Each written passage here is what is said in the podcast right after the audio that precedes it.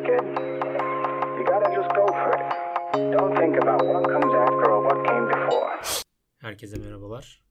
Bugün Akademiyi Savunmak Gerekir adlı podcast'imizin yeni bir bölümüyle daha karşınızdayım. Her şeyden önce bugün e, farklı bir tema seçmek istedim. Çünkü bu temanın aynı zamanda Türkiye'nin kanayan yaralarından birisi olduğu kanaatindeyim. E, benimle aynı fikirde olacağınızı düşünüyorum ki gerçekten eğer Türkiye'de bilimin ve bilimin yapıldığı koşulların iyileştirilmesi adına hem bireysel hem de bulunduğunuz çevre bazında katkılar yapmayı hedefleyen biriyseniz sizinle hem fikir olacağımızı düşünüyorum aslında.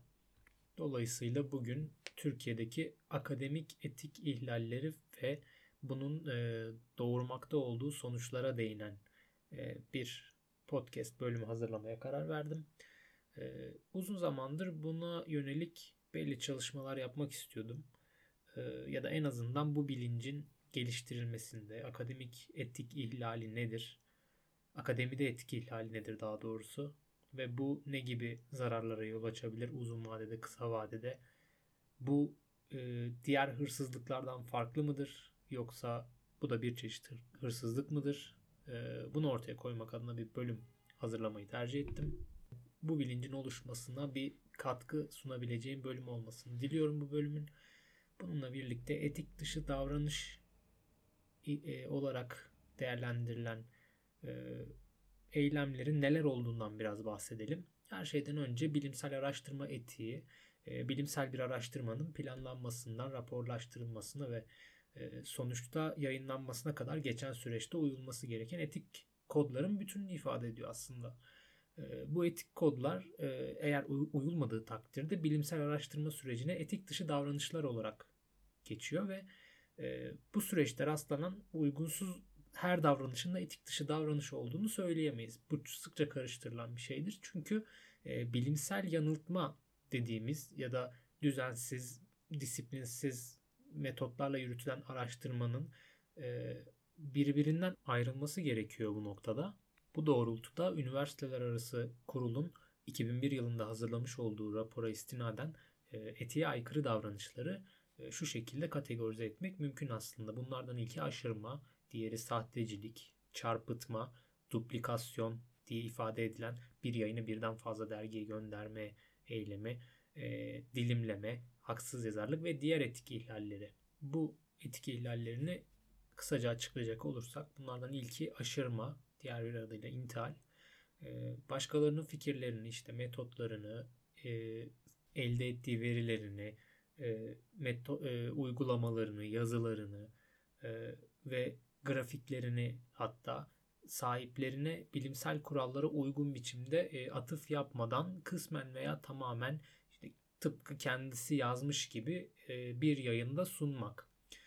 Bununla birlikte genelde yabancı dilden yapılan bir etik ihlali türü. Aynı zamanda e, kitap, makale ve benzeri yayınların tercüme edilerek işte kendi fikriymiş gibi e, bir yayına çevrilmesi olayı aslında. İkinci olarak sahtecilik. Bu uydurma yazılardan ibaret bir etik ihlali. E, sunulan veya yayınlanan belgeyi e, gerçeğe aykırı olarak düzenleyerek, düzenleyerek ve e, bir belgeyi değiştirerek kullanma eylemi aslında. Araştırmaya dayanmayan veriler üzerinden üretilen ve bunları rapor haline getirip yayınlama olayı sahtecilik. Ülkemizde sıklıkla kullanılan bir etik ihlal türü. Birazdan buna da geleceğim çarpıtma e, diğer bir adıyla falsification e, araştırma kayıtları ile elde edilen verilerin tahrif edilmesiyle işte araştırmada kullanılmayan metodlar, materyaller ile onların kullanılmış gibi gösterilmesiyle işte araştırma hipotezine uygun olmayan ve verileri değerlendirilmeye e, almayarak işte çeşitli varsayımlarda bulunma eylemi aslında. E, bundan sonra duplikasyona gelirsek e, bir araştırmanın aynı sonuçlarını birden fazla dergiye e, yayın için göndermek veya yayınlamak. Bu tartışmalı bir mesele aslında. E, kimi akademisyenler bunun bir etki ihlali olmadığını düşünüyor. Çünkü uzun süreler bir yayının değerlendirme sürecine alınması onlar için zaman kaybı olarak görülüyor. Fakat dediğim gibi bu tartışmalı bir konudur. Ama yine de biz etik ihlali olarak değerlendiriyoruz bunu. Ve bunu bu şekilde ifade edebiliyoruz. Bunlardan e, bir diğeri ise dilimleme, slicing dediğimiz e, bir araştırmanın sonuçlarını araştırmanın bütünlüğünü bozacak şekilde ve e, uygun olmayan biçimde parçalara ayırarak çok sayıda yayın yapmak. Bu da yine itilaflı bir konu. Kimi zaman bir makaleden ya da bir tezden türetilen yayınların bu tarz bir etki ihlaline girdiği ifade ediliyor. Dediğim gibi bu da göreceli bir konudur. Ee, bir diğer etik ihlali e, meselesi de haksız yazarlık. Bu da çok e, yaygın olan bir ihlal türü ve e, haksız yazarlık aslında aktif yani bilimsel yayına aktif katkısı olmayan kişileri yazarlar arasına dahil ederek aktif katkısı bulunduğu halde bu kişileri yazarlar arasına katmamak, yazar sıralamasını gerekçesiz ve uygun olmayan bir biçimde değiştirmek yoluyla yapılan bir şey aslında ve e, oldukça sorunlu bir ihlal türü. Son olarak da diğer etik ihlal türlerinden biraz bahsedersek bunlar e, genel manada e, bir yayının ortaya çıkarılmasında yapılan kaynakça e, gösteriminin göz ardı edilmesi ya da e, bir çalışmanın yürütülmesinde destek alınan kurum, kuruluş, e, kişi vesaire olduğunda bunlara hiçbir şekilde yer verilmemesi bunun dışında yine biyolojik çalışmalarda özellikle insan ve hayvanlar üzerinde yapılan araştırmalarda uyulmayan etik kurallar bu diğer etik ihlal türlerinin içerisinde yer almakta. E, son olarak da bu doçentlik başvurusunda e, jüri üyelerinin yanıltıcı beyanlarda bulunmada bir etik ihlali olarak gözümüze çarpmakta. Etik ihlali türlerini öğrendikten sonra şimdi birazcık da etik ihlallerinin akademi üzerindeki negatif etkilerine biraz odaklanmak istiyorum. Her şeyden önce e, bu yalnızca üniversiteler bazında ortaya çıkan ya da e, üniversite döneminde e, yayın yapan e, kişilerde meydana gelen bir durum değil aslında etik ihlalinin e, kökenleri ta ki bizim ilkokulda yaptığımız araştırmalara kadar gidiyor. Neydi ilkokuldaki durum? E, ilk ve orta öğretimde özellikle bir ödev verildiğinde özellikle bir araştırma ödevi verildiğinde öğretmen tarafından yine öğretmenin tavsiyesiyle internetten kopyala yapıştır yönteminin kullanılması ya da ansiklopedideki yazanların aynen geçirilmesinin tavsiye edilmesi e, bilgisayarda özellikle yapılan ödevlerde bu yöntemin benimsetilmesi aslında bizim etik ihlali olarak kopyala yapıştır yapmayı e, ta o zamanlardan öğrendiğimizi e, göstermekte kaynakça gösterimine özellikle hiçbir şekilde önem e, verilmediği ya da bunun öneminin e, ilk ve orta öğretimde kavratılmadığı e, görülmekte. Yani bunu hepimiz bir şekilde yaşamışızdır.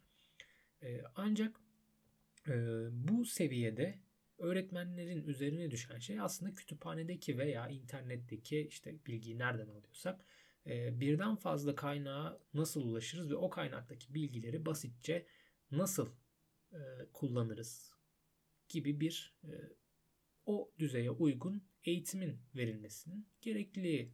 Diğer yandan kullanılan kaynakçaların sıralanması da o dönemde verilebilecek olan kazanımlar arasında yer alabilir veya e, bir ödevin yapılması esnasında arkadaşlarından e, kopya çekilmemesinin e, tembih edilmesi ve e, bu kazanımların öğrenciye benimsetilmesi e, önemli olabilir e, üniversitelerdeki etik ihlaline bahs e, etik ihlaline biraz değinecek olursak da e, her şeyden önce birçok üniversite öğrencisi neyin etik ihlali olduğunu bilmiyor. Bu e, ülkemizdeki akademinin acı bir gerçeği aslında.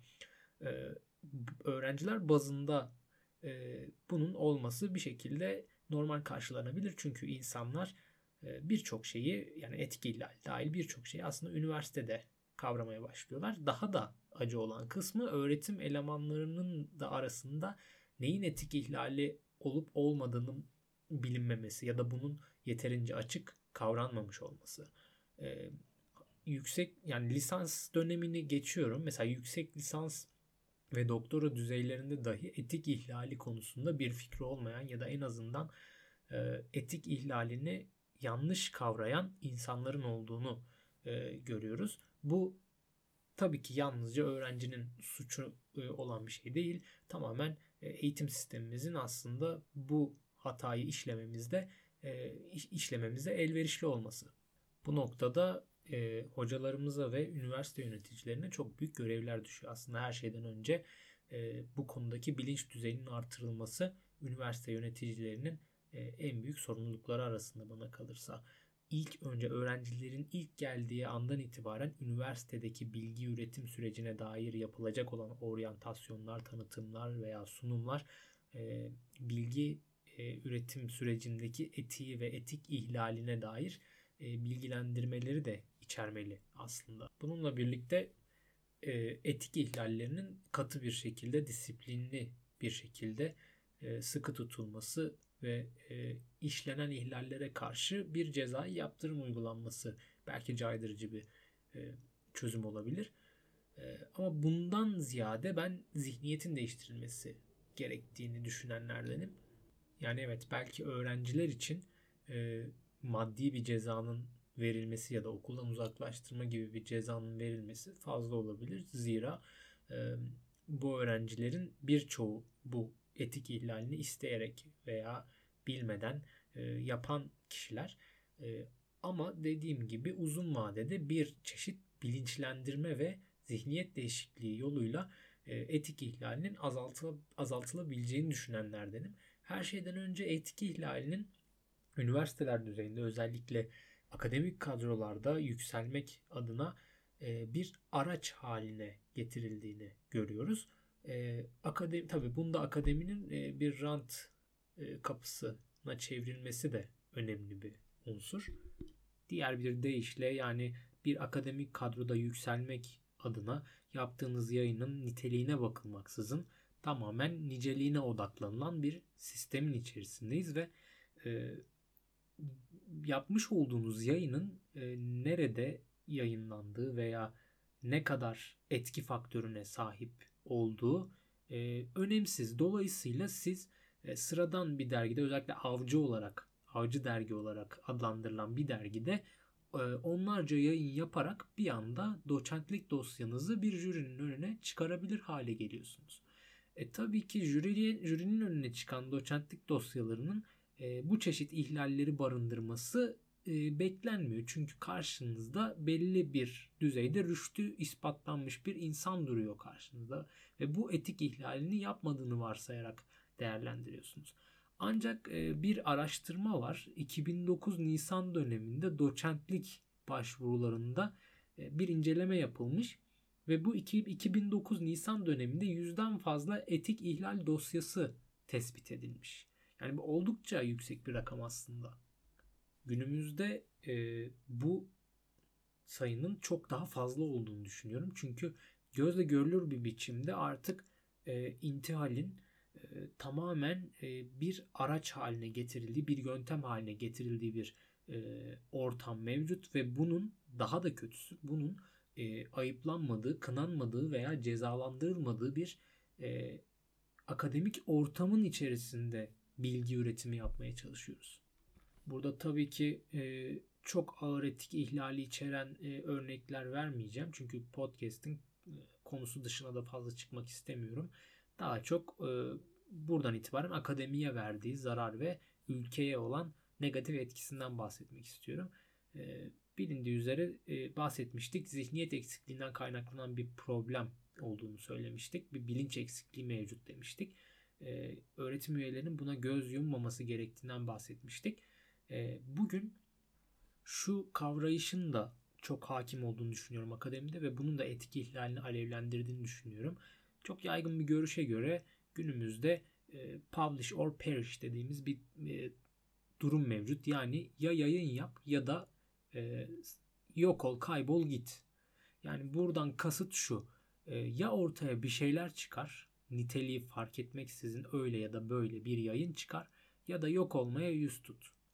E, bu belki şey gibi hani motive edici bir şey gibi görülebilir ama e, tamamen e, sizin e, bir şekilde niteliğine bak, bakmaksızın onu e, dert edinmeksizin e, sürekli olarak bir yayın yapma e, arzusuyla donatılmanıza neden oluyor. Yani o arzu kendi içinizden gelmiyor. Bunu bir zorunluluk halinde yapmak zorunda kalıyorsunuz aslında. Bu tehlikeli bir durum. Şu yönden tehlikeli bir durum.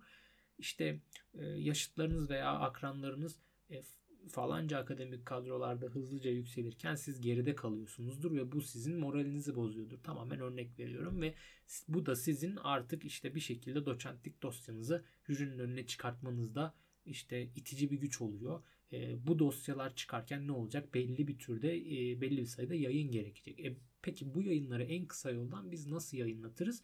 Tabii ki de etki ihlallerine başvurarak ya bir yayınımızı kopyala yapıştır yaparız ya da e, herhangi bir yayınımızı birden fazla dergiye göndermeye çalışırız. E, böylece bir şekilde bu etik ihlalini kendimizce normalleştirmiş oluruz. Yani bu da problemli bir şey aslında. Yani ortam böyle diye, e, akademik şartlar böyle diye e, bu çeşit bir ihlalin parçası olmak bana kalırsa doğru değil. Bu her şeyden önce kişinin kendi e, ahlaki değerleriyle çelişmemesine de bağlı.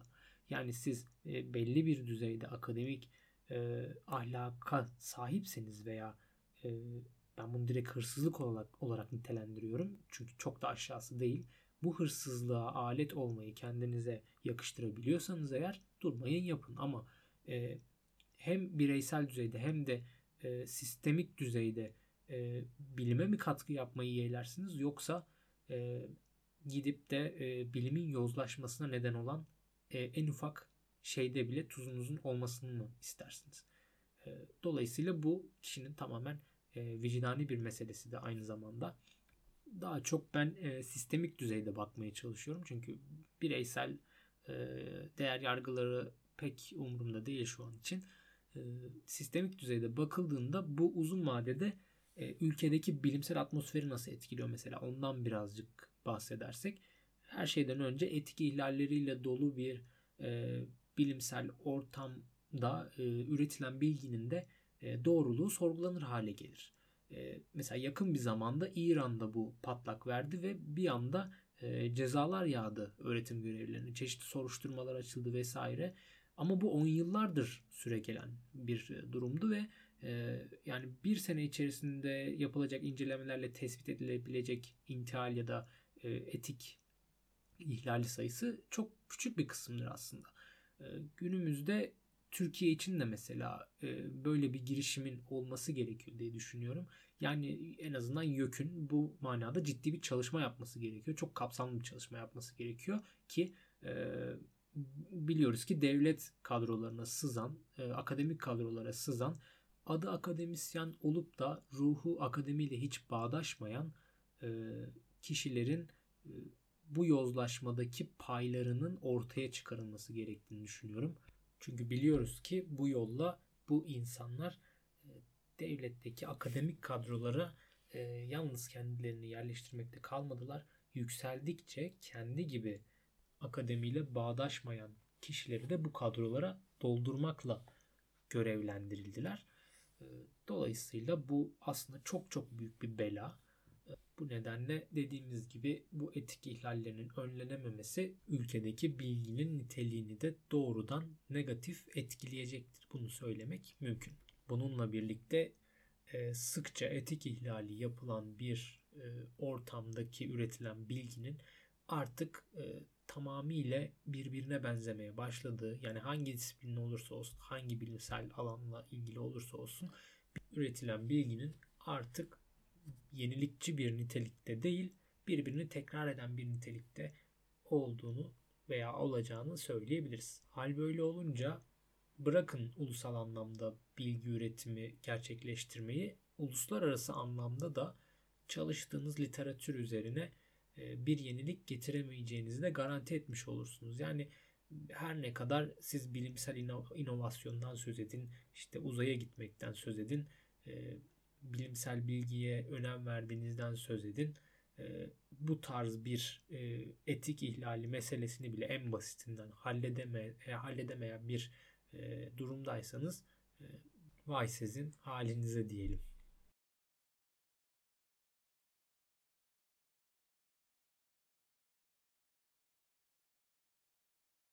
Bu bölümü çok fazla uzatmayacağım ya da ülkemizdeki etik ihlallerine yönelik örneklerle süslemeyeceğim. Çünkü çok çok fazla var ve hangisini seçeceğimi, hangisinin en şaşırtıcı olacağını falan e, belirlemekte zorlanıyorum. Çok yaratıcı etik ihlalleri var bu arada. İnanılmaz yani. E, bunları küçük araştırmalarla bulabilirsiniz. E, ben sadece bu bölümde etik ihlalin akademi açısından doğuracağı negatif sonuçlara odaklanmak istedim. Ülkemize olan e, ülkemizdeki bilimsel ortamı nasıl etkilediğine değinmek istedim. E, daha önce etik ihlaliyle ilgili problemlerin nereden kaynaklandığına vesaire değindik. Bu yayınla ilgili herhangi bir sorunuz, görüş ve öneriniz olursa aşağıda mail adresim var. Muhakkak oradan görüş ve önerilerinizi bekliyorum. Bir bölümün daha sonuna geldik. Beni dinlediğiniz için teşekkür ediyorum. Herkese mutlu ve sağlıklı günler diliyorum. Hoşçakalın.